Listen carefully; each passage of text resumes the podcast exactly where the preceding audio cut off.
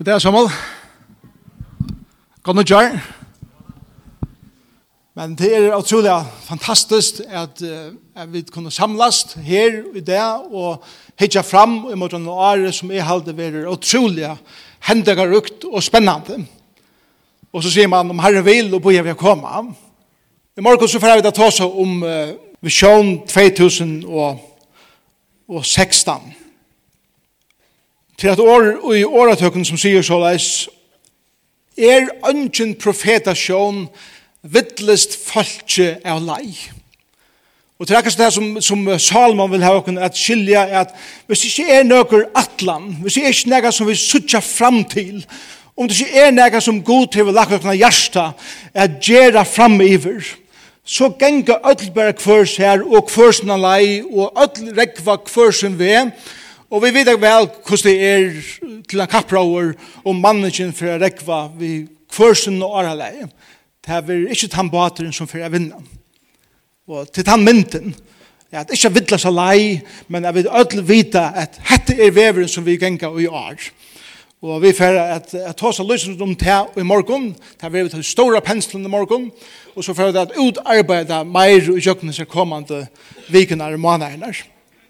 Så Jeg har i morgen hatt av eh, sundagsskolen og ungdomsarbeidet at, at her var bare et helt stort innlegg, så som Johan syr det bør ta seg jeg sender om byggingene til at tid. Vi færre inn i byggingen og i år. Yes! Jeg vil si, til å være om tjei år, om fem år, om tre år, nå er det år! Fantastisk! vi han kjører tåsen sin det og så får jeg at mala til helt store visjoner som vi som eh, sankommer har sett dere for at kanskje ikke noe helt, men hvordan jeg begynner og jeg er. Så Lilian hva er du? Her er. Gjør så vel.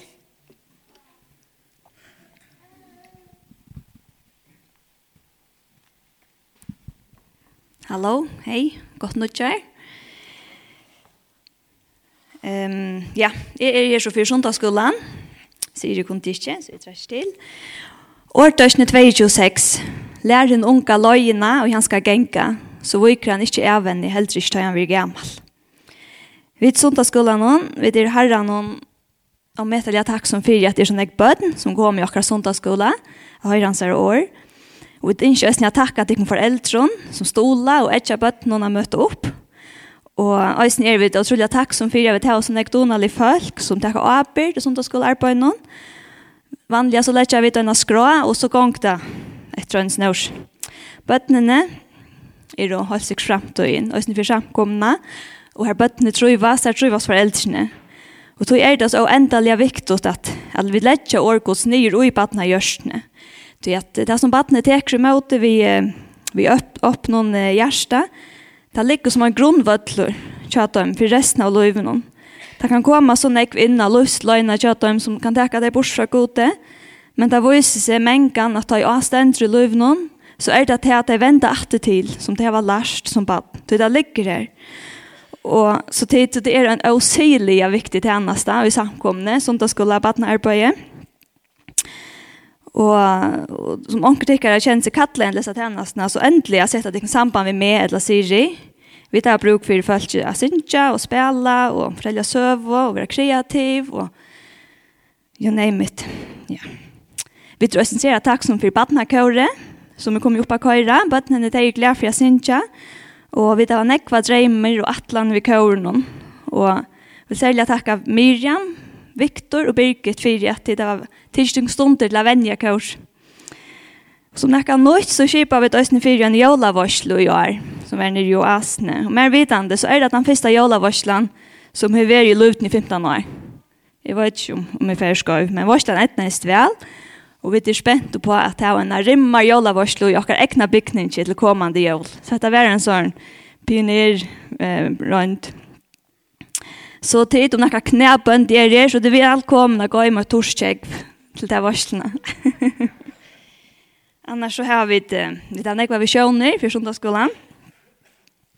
Sjøner der vi skulle mennast, og vi ikke røkka langer ut enn bæra samkomna jokk. Vi ikke noe atler i høyvursene, Og vi tar dreimer om att gjøre et team ut fra sundagsskolen her i Lutne, som kan føre ut og ha badnamøter rundt om i landen tjokken, Her som kanskje ikke sånt skulle er, eller her som kreftene er og, er og minne er enn tjokk.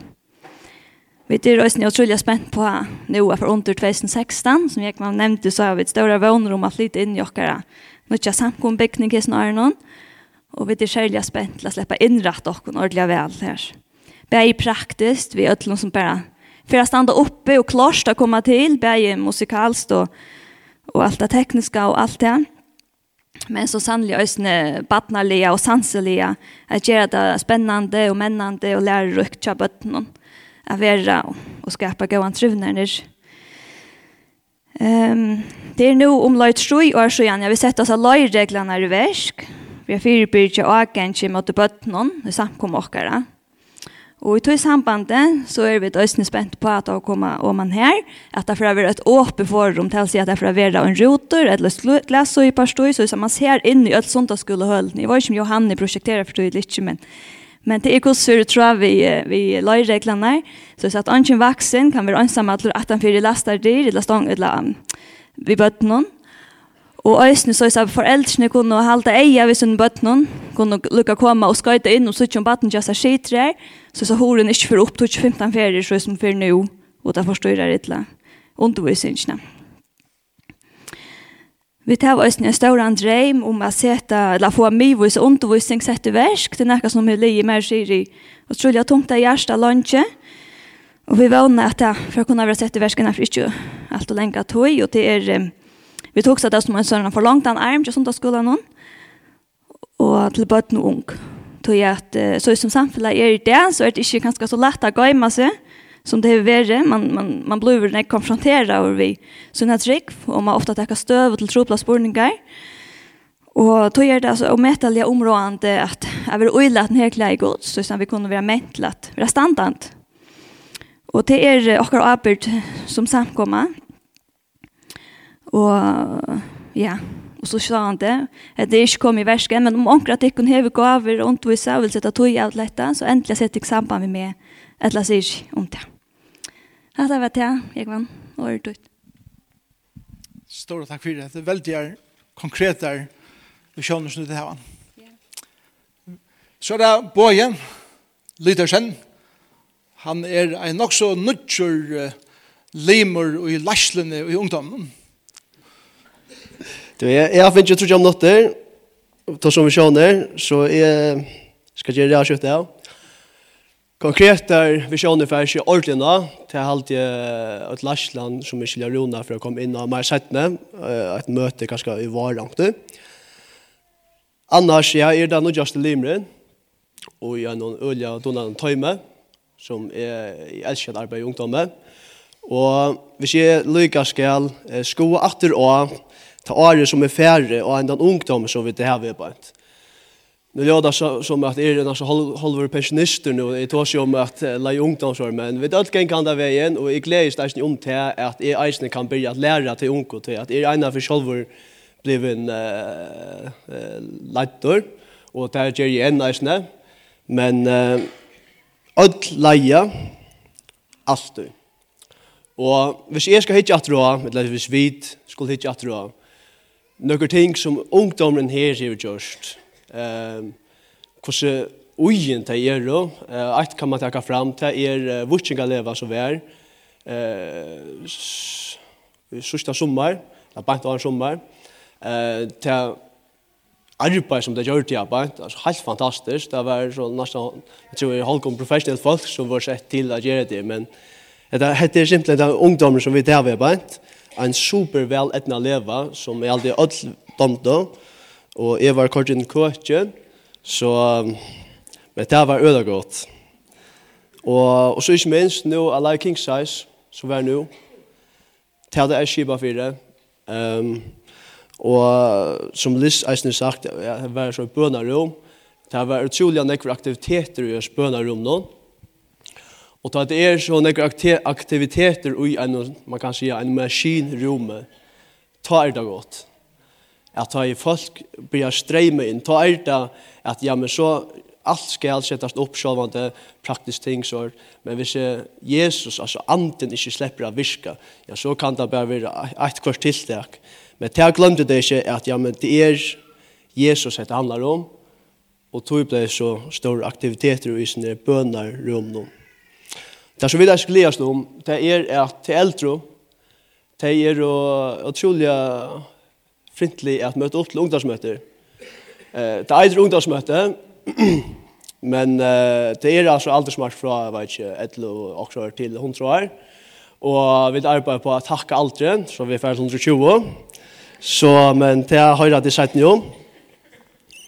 Men uh, det har gledet oss ved utrolig enn jeg kvom, og det er som det er tankar som vi da har haft ungdom, det er simpelthen at, uh, at dette skal være en ungdom som er skärman klistra alltså er av en så stark liv med som eit Jesus Kristus. Um, att det är så läs som vi kjenner søvneisene om hira och säger det ene seiren blev veck och det var så leis, okej han färden här vi massa rätt tisch Det det, att det, är chatta det handlar om til han fer etter sin til eina seino. Og det så såleis at vi er ikke innskje at ungdommen her og i løvtene skal hava at det skal etta saje at Jesus Kristus kærleggen her på at skal veksa så størst middelen for ungdommen at hvis det er ein person som eh, kanskje ikke møter opp eller han ikke møter opp flere ferier ja, så skal det kjennast og hver ungdom hepa så til fer vi kurs arbeid med det at det skal være mer sammanknytter. Og så er det sjående, eh, råkne mest spentaste personen er for om han bygning til Distrikt Jekva. Altså, øyla spent her, men det er vidt så sannleisende. Det er uh, utrolig mødlegar som en bygninger tjever, men det er slett sjåleis at uh, vi får sitte og drikke kaffe til bygninger vi lever. Vi har masse arbeid gjøre til ta, og fyra i kakken. Og Så hatt er akkurat som det, nu tror jeg om något färger Og som vi sier, så råkner vi alt mer konkrete der, for at vi tar om settene. Så jeg var ikke er og tjula spentur til året. Arbeidsdagen begynner morgen. Og så tar vi ikke bytt. Så takk for. Takk for, Bøye. Vi tar fantastisk ungdom. Hvordan er det ikke vår uh, Anna Jola kvöld? Det var et feit kvöld. Det var fantastiskt. Johan, Johan Syrebø, han er som er som heldur ötlen saman. Og han, han er han som, uh, som stender for som veldig prosjekten i Tjakon. Så Johan kjer så vel. Fortell dere synder om bygningen. Ja, takk for det. Hei, Tony Korper det her uh, PowerPoint fra oss som som vi har her. Først av utlån, så ikke jeg takker hjertelig for 2015. Det er veldig, et fantastisk godt år, hadde det ikke det? Det kom nekk på sjur, og nå tås det, jeg tås det, så tås det bare om bygning, ja. Det er også bare om ja. Eh, ta i vidt, bryr vi på året 2015, ta vår ta ja, jag skulle ha några mindre av typ men men jag fick inte det men men ta våre betongarbeid i fullsving. Altså vi støpte vetsjer, alltså ett en arbetstagare stoppte vetcher och och och och förbyggningen nu var kvörst eh etage det eller tag det kom ju och hick efter då ju där hur länge det kommer kvar det kom på sjur och hur snäck vi görs där vi tar var just det mäknar arbete vi tar var stoppt golv vi tar var just choklad og vi hava klattbygningen, og vi var just leingar gjør, og grive veri lengt og under hjørn og, og, og slatt og tiver og alt mulig. Da vi må ikke glemme hvordan nekk vi kom og skafte. Korbara, hvor er det? Maten som vi har samskipat på er jokken events av Facebook, og jeg har ikke tale og faktisk, jeg rønte jeg telja, men jeg fann ikke alt, men her er helt nekk events som har vært i lepja hos noen. Og det har vært fantastisk eisen kja mer ta i mai måned å kunne trakka inn i hese tjenestene vi nesten fotlare tog å kunne eh, skipa fire og koordinere ødelse her arbeidstiltøkene, leierdeer, høstkvöld, mykekvöld og, og eisen hele viker sista sommer. Det, det har vært et utrolig gjevande år for meg personlig eisen. Så det gleder jeg meg til å fortsette vi. Hva er det? Ja, og, og nå kom vi hitje etter resultaten av årene. Eh, Vestersøyene er klødd, glasfasaden er om av relio, og, og tetjen er kommet nå, og bygningen er om at vi har tatt. Hva er det neste? Ma, at det er male til åkken, og i mån til hette vi bygningen, at innelåkene og kleene, det var det är hettar alltså att byggningen blir som förbygningar som vi kallar det det som ständer fram främst till bänt tar kvit platinar och glasfasaderna och kanske bara göra och och så själva sälren den höje byggningen som vi klatter vi vi timpre och som vi söker tracka fram nu va Og hette er det som vi får at halda av i nå til der kommende viknar til er at byrja på hese her platekleinsna og forbygningsna og bæbygningsna der kvite platene og at halda av av esterskyene vi trekleinsna. Hva er det neste? Og så er det til när vi är leo hur gänger och status och allt det där och ja vi må asana till att det är väl inte kanske helt så kött som eh som ter planerna som är läge fram i mars april mars och april månad i fjör. Så teker det inte mer tog kanske en akkurat det ja. Nu må vi halda av i januar, februar, mars månad. Vi at få byggningen innlokka igjen. Eh, jeg vant det at vi er ute i marsmåned, og vi kunne byrje på selve innretningene. Og vi får at arbeid av flere fronten i sen, at innrette forbygningen og over i hatt, og at innrette bergbygningen. Ja, at innrette forbygningen og over i hatt henger sammen vi en i atlan om at uh, huset til åkken her nere, som vi kallar for lånen, det skal settes til sølo, og vi får at bruke det over i hatten av forbygningen til eh, til tiltøkene som vi har midt i vike, og til eh, en av fire beskrivstoven, så er det sånn at vi kunne få tar, tar pengene som lånen, eh, som vi eier, som standa, man sier bunter i lånene, inn i verskattlandene. Så tog byrja vi det her, og vi får at innrette bergbygningen, og bruker han eisene, og at innrette sjølvan selen, og at innrette forbygningen av nyere hatt. Og som de sier, så råkner vi, så er det sånn som da jeg hittir i mina glaskule, så råkner vi at vi enda ut i, i novembermåneden, og er vi, vi er helt liv. Det er bare faktum, så snær er det. Jeg vet ikke om det er tog jeg gjør, men vi er. Vi er godt måte å lukke alt. Personlig så fer jeg at halda å og jeg ser tjenestene. Jeg fer to at, at fer sin nye tog, jeg fer at undervise av tekniske skola en par av vikene, utom at halvare tog. Men annars så fer jeg at halda fast i i hesar tjänstene att vi att hänga att få att koordinera och få att självbottna och eisne till professionella arbete att hänga samman och i bitchingsne. Så är glädje med otroligt nek till kvart herren för att göra och vi uh, vidfärra at sucha veksa av byggningen og i kommande år. Ehm så kvar det nästa. Med landa så sitter vi eisne nu og hitja nekko på hos uh, bygningren innan skal uh, utgjerast. Vi forskjellion her er, her er nekko firbils teknikar av salen og innan. Uh, til nekko teknikker til er uh, nekk viljoa gjera, til nekk aptering og til nekk som skal prosjekterast og som skal bestittlast og planleggjast så det er uh, det er nekk planleggingsarbeid jo just her, og her er nekkvar avgjører å teka, og som Liljan Eisen sier, så, så er det nekkvar innretningsdetaljer og innretningsavgjerer uh, uh, som skulle tekas i kommande år. Så be fyrir mer og i tog, og uh, jeg følte som en, en personlig sikning å kunne arbeide ved hesson, at arbeide ved hendsen noen, og, og at kjenne et her samband i middelen til som salmen tror etter. I salmen 122 leser vi årene Bytjer Herren ikke huset, så arbeider her til ånytte som bytjer er tog. Og vi standa midt i bytjer røynen. Og året 2016, det er det er spennende og et krevjande år. Men her står bytjer Herren ikke huset, hva mener dette vi?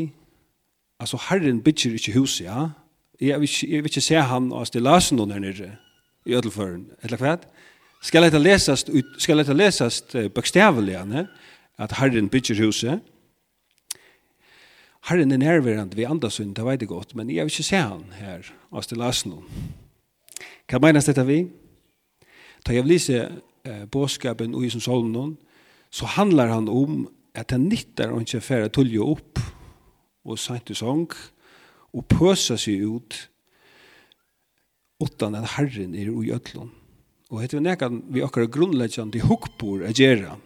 Og vi halte at uh, det som stender i iverskriften i iversen salmen det er lidslen. Her stender og hatujar ferron. Hilde verer at disse salmene, disse 15 salmene som standa saman her, tar vår sjunkner av Israels ta det fyrir oss til Jerusalem og tilbya.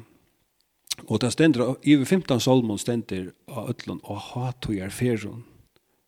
Og ein grunnleggjande hukkborer tja hesson tilbyaron, han kjem til kjöntar her, ta i herren i midteplen, så gjerst feren ein hatojar fer.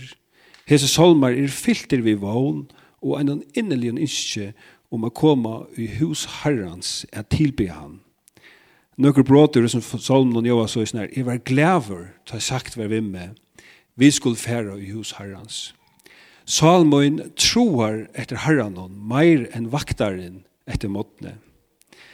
Læt jeg okkom fære til bosteg hans herra, tilbya vi fota skammel hans herra. Og så kommer mitt i ødlån, hes i årene, bytjer herren ikkje huset, så arbeidet her til ånytte som bytja er tog det er tøyeligt at heser her tilbærer, tar seta herran i middelen og i øtlån, løvnån, og her er en samarrenning i middelen til som vil virka vi håndtrenån og til som salen troar etter. Høves endamale er at det var herran i middelen, og høtte vid, jeg er skilt hentan andalige verlega betre at Herren ikke er ved okra middebelen i øtlån, Det er bare Herren som kan omskapa okkar hukkbor, og i stedet for å fokusere på det som er krevjande og det som er streve, så kunne vi sammen genga i kjøkkenen 2016 som var en i hat og erfer. Salmer 135 sier, Halleluja! Love Herren, love navn i Herrens, love tog til tænare Herrens, som standa i hus i Herrens og i forgården husgods, Lov i herran hon, til herren i gåur. Lov sin ikke navn i hans herra, til te er løsalt. Godt nok kjære tid. Til så er det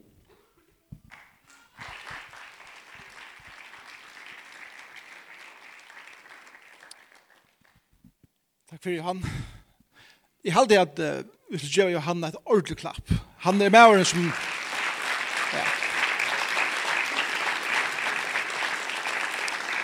Hvis Johannes ikke var trakkar inn i det arbeidet som han gjør i løvden på et nå, så, så vet jeg ikke ordet hver vi tar til flåte vi som bygningen. Det er suttet det arbeidet som han gjør, og, og hvordan han planlegger alt det. Det er fantastisk å heve slik folk i arbeidet som leier et slik arbeid. Jeg er ikke nå til endan at, at uh, mala, jeg sender fire åkken, og vi er store av penselen, hva det er som vi innskjer at arbeida vi i 2016, og nek vi at vi er sjående i ljósen av at vi får flytta inn i en nødjan bygning, Onkur sier så leis at vi nu, vi flytta nu ur tabernaklen inn i tempelet. Til akkar som vi har sett opp og tids nye kvart vikskifte og, og nå flytta inn i tempelet. Jeg vet ikke så godt det er til noen år siden som var tempelet lagt i øye. Men til en god myndkorsene. Det første som vi ønsker at se den iveskrift, det er dette. Vi ønsker at vaksa inn i nødja bygningen. Vi ønsker ikke bare at knapplega skulle vi noen få tanter oppe bare hoppe inn i en stor bygning. Vi innskja fyrir okken at ta vi kommer ut i november måned, eller når vi skulle komme inn, ta er sjanker man langt voksen at folk får legge seg træt nå kvann sunda fram etter, at folk kommer kjenne Herren Jesus, så at de kommer og blir en parser av sankommene, så at vi vekser i tale i eisen, at sankommene vekser, at flere folk er å suttja og er møten og høyre til sankommene. Men eisen er veksa i bonaskapet, at, at røtene vekser enn og langer nyer.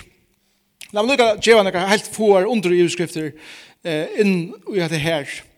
For det første så fortellerstolen som er brygven i en sankumme, som akkurat som er her som råre er, Derfor er jeg kjennast av at læra for å være om sankumme og sankumme liv, eh, lukka til å flytte inn i bygningen.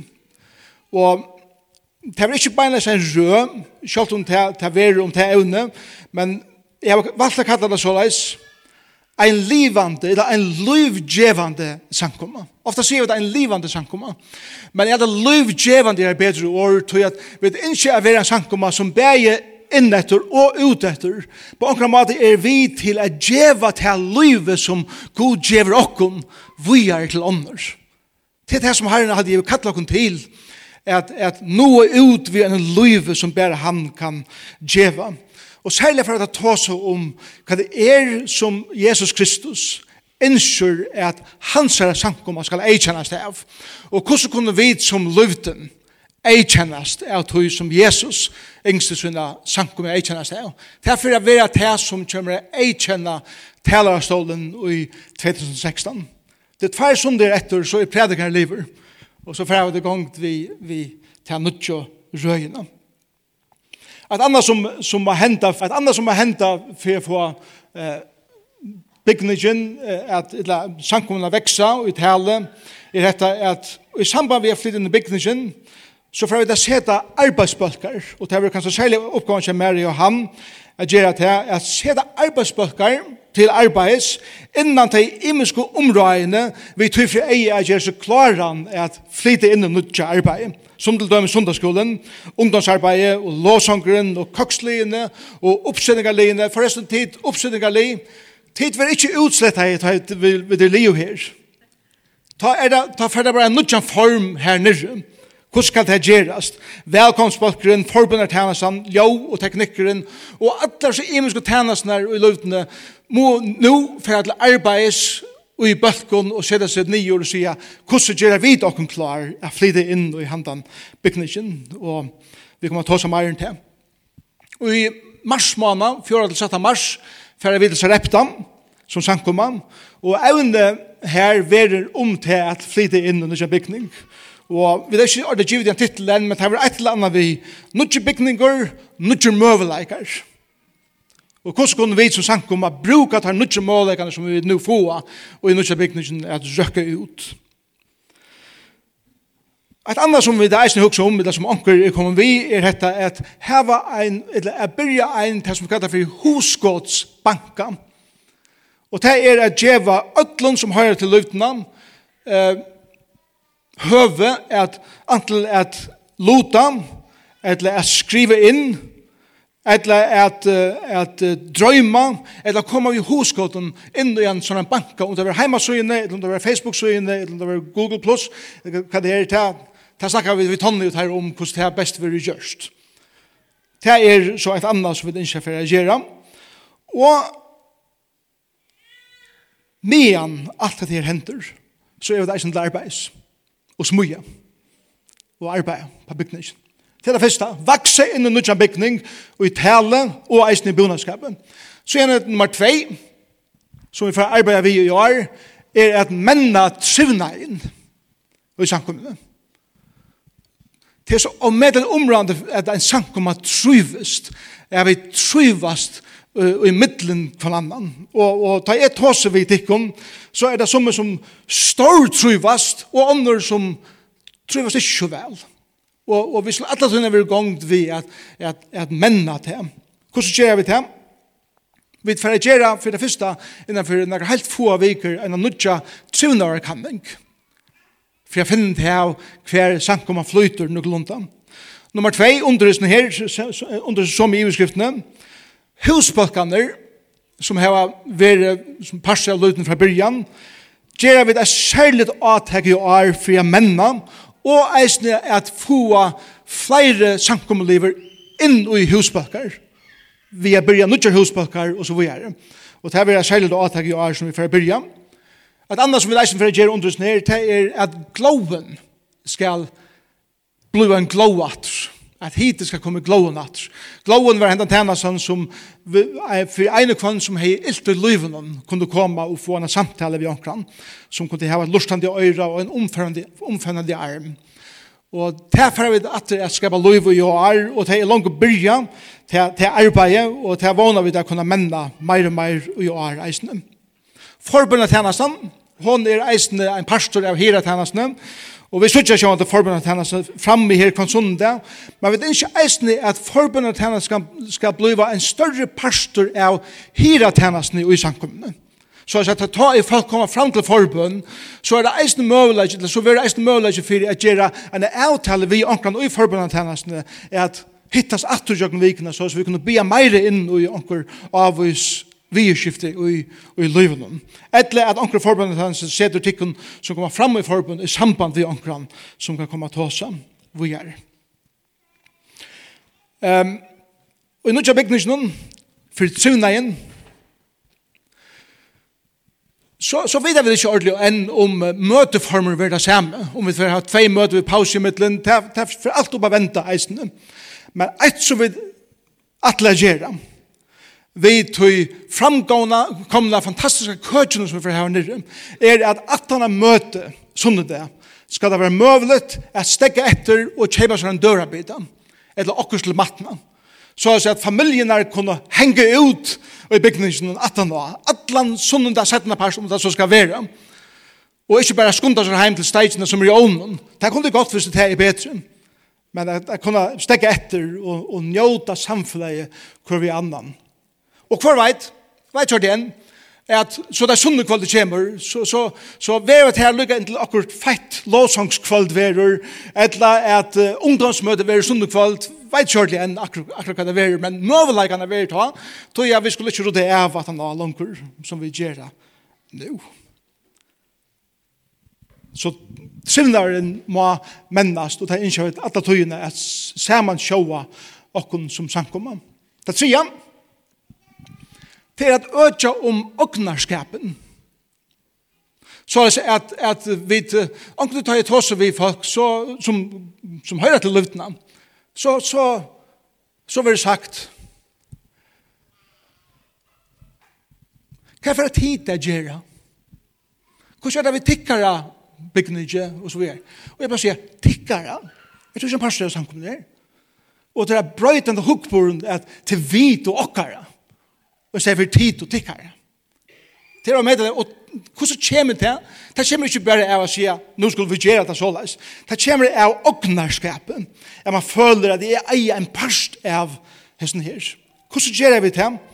Det første som vi ønsker å gjøre er at høyre reglelige fra at man ikke skal tjene seg i samkommende.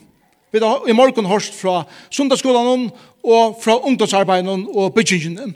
Vi ønsker at som en parst av oss røyende, en løvgjørende sankum, så skulle eisen være vi til å høyre de imensko som er vi og i litta arbeid her beint. Fortelja hvordan gonger, og, og hva de oppliva i sørste vikene, eller måneden, og hva de sørste frem etter, og så videre. Og at vi som møvelag kan være vi og i temmetenesten som vi er framme, tann av oss i sundagen. Nummer 2, alt skulle få møveleikan at tæna ui og ut fra samkommene. Eit uttrykk som vi ofta brukte i fyrstene til løvden byrja i vær, det skal ikkje være noen arbeidsløse skipan i samkommene. Minnes det her? Til som er nødt til, jeg har kanskje ikke hørst det, men vi søtter veldig ofta, vi innskje ikke at nekka skal være arbeidsløser. Nå, Vi får ikke nøye nekker av tikkun som sitter her, det er som hører til sankunna, som ikke tøymer til henne, eller ikke orsker til henne, eller er ångsan her i løyene, hver det ikke ligger så ved fire, til i orden. Men det skal være åpe for ein og kvann jeg kunne si, jeg kan trakke inn i en tjeneste, og veit en hånd her om jeg ikke til. Det skal ikke være så, nei, vi har ikke bruk for det her, det er bruk for i ødlund. Og det er ikke vi virkelig at, at arbeider vi et her og året, så at han åknerskaperen kan, kan vekse. Så er det eisen for åknerskap. Alt skulle få målet å finne sånne gaver og sånn hjertemål. Til jeg sier, men jeg vet ikke hva det, hva dove. Jeg vet ikke hva det brenner for. Jeg vet ikke hva det hver, jeg skal tjene.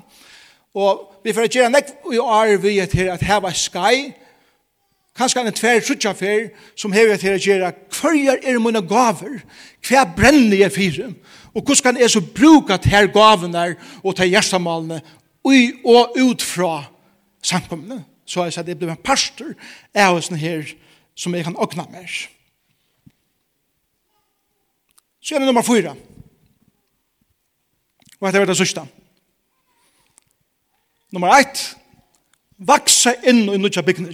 Nummer Bæje at det leggs et træt samkommende, og at vi bonast.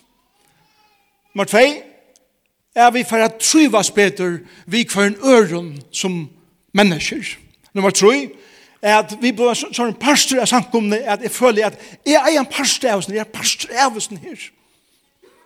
Og så er nummer fyra, er røkke ut for jeg får folk inn. Og det har vi tro på henne gjerne. Og, og en av okkara visjonen i år er at, at særlig alle den da er at nå eier vi å begynne å drøkke ut etter.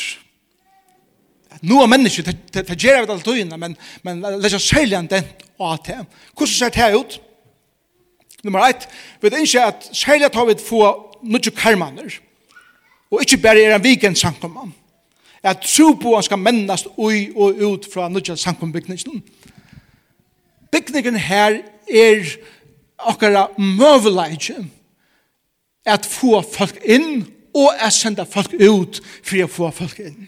Som at du kunne senda folk ut for å få meira folk inn.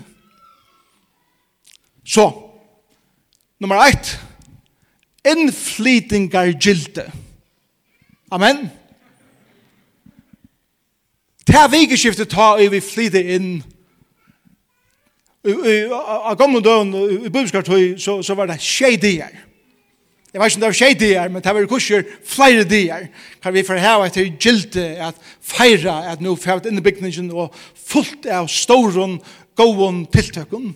Så altså borgarne i Torslande kommune og føringar kunne komme inn og suttja. Men det veldige bygningen og karmene kjøkken som vi da finner. Vi tenker eisne at så kjøtt som vi er flott inn under bygningen, skulle stor og lydel tiltøk være en pastor av bygningen.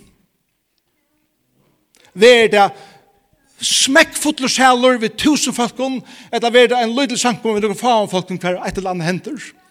Neste jól, Det var jola halt i luftene, det var jola konsert i luftene, det var størst tiltak. Sjåvande. Sjåvande at, at nå er utvisen veldig av båtskapen. Et annet som vi tok om vi, vi, vi tror vi eier røkker ut for å få folk inn, det er simultan tulkingar tjennestand. Hun var tøkken noen år, men tøkkenen fungerer ikke vel inni her, og, og vi har valgt at boja vi investerer inn i nødja tøkkene til simultan tulking til å flytte inn i bygningen.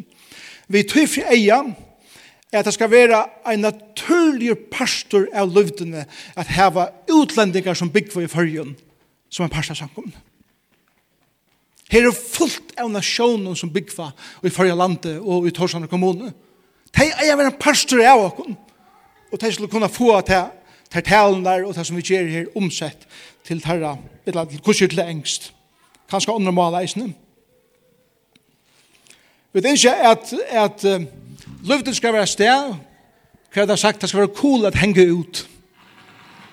Vi gjør noen jøkken og vikene, så vi er en kafé som er åpen, og det skal være sted for at de unge kunne komme og henge ut om kvalitetene, det skal være sted for at de eldre og de gamle kunne komme og heve sosialt tiltøk, og det skal være sted for en og hver som er en borger i hesen landet kan si, at jeg kan fære inn her, og godt skal være La er komme inn i okkar bygning, og i alt her som vi færa at gjøre i sin bygning. Vi tog fri eia at vise at det som ligger gypst inni en menneske er langsel etter Jesus. Det tog vi gjerra At det er okkar heim, vi tog fri eia at sankumann skal veksa. Men samtidig som vi gjerra til så eier vi det røkka enn langer ut for å få folk inn, ikke bare lutene, men inn i Guds rydtje. Og her hukser vi, her tar som at det som lærsla, at til, til for lute av kunning om tartsubarner som vi da har sendt ut. Er vi bia for dem, er vi, er vi skriva til der, er vi ha samband vitt der. Og vi ikke at ta vi kommer til enda av 2016 skulle ødel vita hver trubarner er som vi da har sendt ut i ute i heimen, og i alle imenske landene som vi heva tro på her. Og la meg så komme til det sørste under EU-skriftene, eh, under den sørste, for å røkke ut for å få folken. Fyre er at alle tingene kunne fungere, og fyre er at disse bygningene som vi nå bygger og flytter nå i, skal kunne være en bygning som er klarer til folk å kunne bruke, og til åkken å kunne bruke som sankommer. Så innskjer vi i år at arbeider vi at seta folk i starveløtene. Vi vil ikke få folk til arbeids og løtene. Det har vært ett fulltida starv, men vi vet enda ikke om det har vært eh, tvei parstøyer starv, men vi får at eh, tar vi narskast, vi må flytte inn, for vi vet at se, se denne lysing av eh, innan huset til åkken, er søtja etter folk et arbeid løgn. Det som særlig hoksa om er hettar, er vi da bruk for en person er at hega seg at hava høves arbeid er til administrativa og organisatoriska i samkomne. Som faktisk en person som er min høyre hånd. Som, som fær alla hesa ímisku tænastnar og, og, og samskipan av öllun som, som ikkje fungerar så vel det er gluja vel. Det har vi bruk for. Og et anna starsfolk som vi eisen har bruk for er en person som av ein eller annan hatt hever avbyrd av sjolvom bygningen vera ein event manager eller vera ein som ger klars til öll tiltøkjen som skulle gerast klar til som hendur lutene som, som må vera ein person som akkur som hever uh, arbeidne av at bygningene er klarer og at bygningene er, er akkur som uh, tøker og, og alt det som skal gerast i en bygning. Det er det som vi leid etter det er det som vi først og fremst for at leid etter i år så om ditt føler til kallen så får en lysning å komme Og vi ønsker først og fremst at han personer, at de personene som kommer starv, høyre til løftene. Onker er okken som langt gonger her, på at det er tilknyttet til samkommene, som kjenner samkommene, og som samkommene er som kjenner og hever alit. Ja, det er det som vi ønsker først og fremst. Alt det her fer at komme. Så, det som vi kommer arbeid mest vi og det som jeg kommer lese ståren den da, det er hvordan veksa vi, hvordan kan trivnaveren mennast, hvordan kunne vi ødel skapa en oknarskap, og hvordan kunne vi byrja nu at langt hugsa tro på han, vi tror for jeg at drøkke ut for å få folk inn, så så sank man kan veksa enda mer. Hette det som jeg, for jeg kjenner 2016. Og for å be tikkun om at be for sånn, Jeg får be deg om å være vid til å lytte etter, og får be deg om til å være folk som viser entusiasmen og sier, jeg vil være vi i sånne her arbeidene, som Herren har kattlet oss til, og i høyversene, og ut fra høyversene. La meg enda vi å lese noen vers fra Matteus kapitel 28. Jesus er risen opp fra en dejon. Han har lærer lærersene til sin, Og så stendur, ta ut her soa han, tilbåt her han, men som er imast. Da steg Jesus fram, tala til tarra og sier, mer er vi alt vald og himmelig og gjør, fær du ut og gjør i öll folkas og til lærersvenner, døype der til navn færsen, sonarins og heilig andans, og lære tar halda alt og jeg har boi tikkun, og er vi tikkun, atlar dier, lykka til enda gjerner. Herfra, fra hessen teksten, har vi til fem endamalene. Til fem bibelske endamal som jeg kjenner samkomna. Det er færre helt kjøtt djøkken deg vittikon som vi enda og det. Det første er samfunnet. Det er vi trunna enn gjøre. Samkomna vil heitare og djøkken samfunnet. Vi ørner om akkurat dreimer er at ta i lærersfannan og Jesus hadde sitt samfunnet, så var det et heit innelig samfunnet mittelen der, og at jeg skal eikjenne okkon som folk, gods og, og gods samkomma, at vi, vi skulle være føla hitan fra kvarnøren som gods folk. Nummer 2, samkomma være rumligere i tjøkken lærerne, at ha vi standa stinn i årgods, og, og vi, vi vera grunda i årgods, så blir det eisne rymligare og nøyrykare mennesker. Ikke bensje for spurningen, ikke bensje for at, at tega evner som er ivasom, og som vera krevjande ega, at hitje etter dem. Nummer 3, sanka man vera sterskare i jøkken tilbyan. Vi at det, vi er i en bardeia, vi er i en konstant og andalig en barde. Og det størskaste våpenet imot Satan og hans herre eh, heilige som vil øyelegge okken er at lære at tilby herren og sette han fremst. Det er okkar størskeste våpen. Og tess meira tilbyande sankum av idero, tess meira vi bia, tess meira okkar bønarmøder veksa og i tale og eisen i bunadskapet, tess sterskare vera vid som sankoma ta, ta leikar ui. Nummer fyra. Sagt om å være en mjukare kjøkken tænast. En person som tæner, og som djever, og som brukar sånne gaver, verer automatisk en en mjuk person. er en djever. Og ta innskjer vi det eisne at eikjennast er som sankoma. Og så gjerne til seinast, sankoma være større og ikke tro på han. At har vi kun til evangeliet, og mennesker kom og kjenne Jesus, så ble det en pastor av samkommende, som atter kunne bli en pastor av samfunnet, kunne få lære, kunne lære tilbe og bruke sånne gaver i tjenest for Herren, så at samkommende atter kan vekse enda mer, og så skonger det innan ringgras alle tøyene. Det som jeg kjenner løvden av, det som vi bygger av, er at vi ikke har samfunnet, lære, tilbe, tjenest og tro på han. Alt som vi gjør, er grunda og hattar. Her sier årene i Mattias 28. Takk for hit. Vil det være vi? Jeg er utrolig spent til 2016. Og jeg vil gjøre alt mot for jeg leier seg samkomna vel og at arbeid hardt men eisen vust og sam, let dere alt samstave for at vi kunne lytte her som visjonen og komme inn og jeg sutja Herren er omedelig stor, og han er atlan vi hesare, luttler i sankommene, luttler i endene oppi høyvisene, som er parst av allheim sankommene som han bygger kring atlan knøtt. Så, Victor, tunne kom opp og sette klaveret. Og vi får sinja sanjen, vend tutt eia av Jesus, som vi enda lukka bi og æren, og så reiser vi dere og synger ventet eia Jesus, og så takkar vi fyrir det, og vi innskjer det kunne en fantastisk vikum. Nå får vi til arbeidshatt. Herre, takk fyrir at vi kunne heva visjoner. Det er her som ønsken profeta sjån er vittles falskja og lei, sier årtøysene. Og vi bygget her om at vi er en sankoma som alle tøyne stevne motor er gjeras betur, og røkka enda langere ut, Og jeg ber her om at trunaveren i samkomne skal, skal virkelig mennast, og at åknaskaperen skal økjast. Jeg ber her om at vi skal vekse ut hele og eisen i bonadskapet.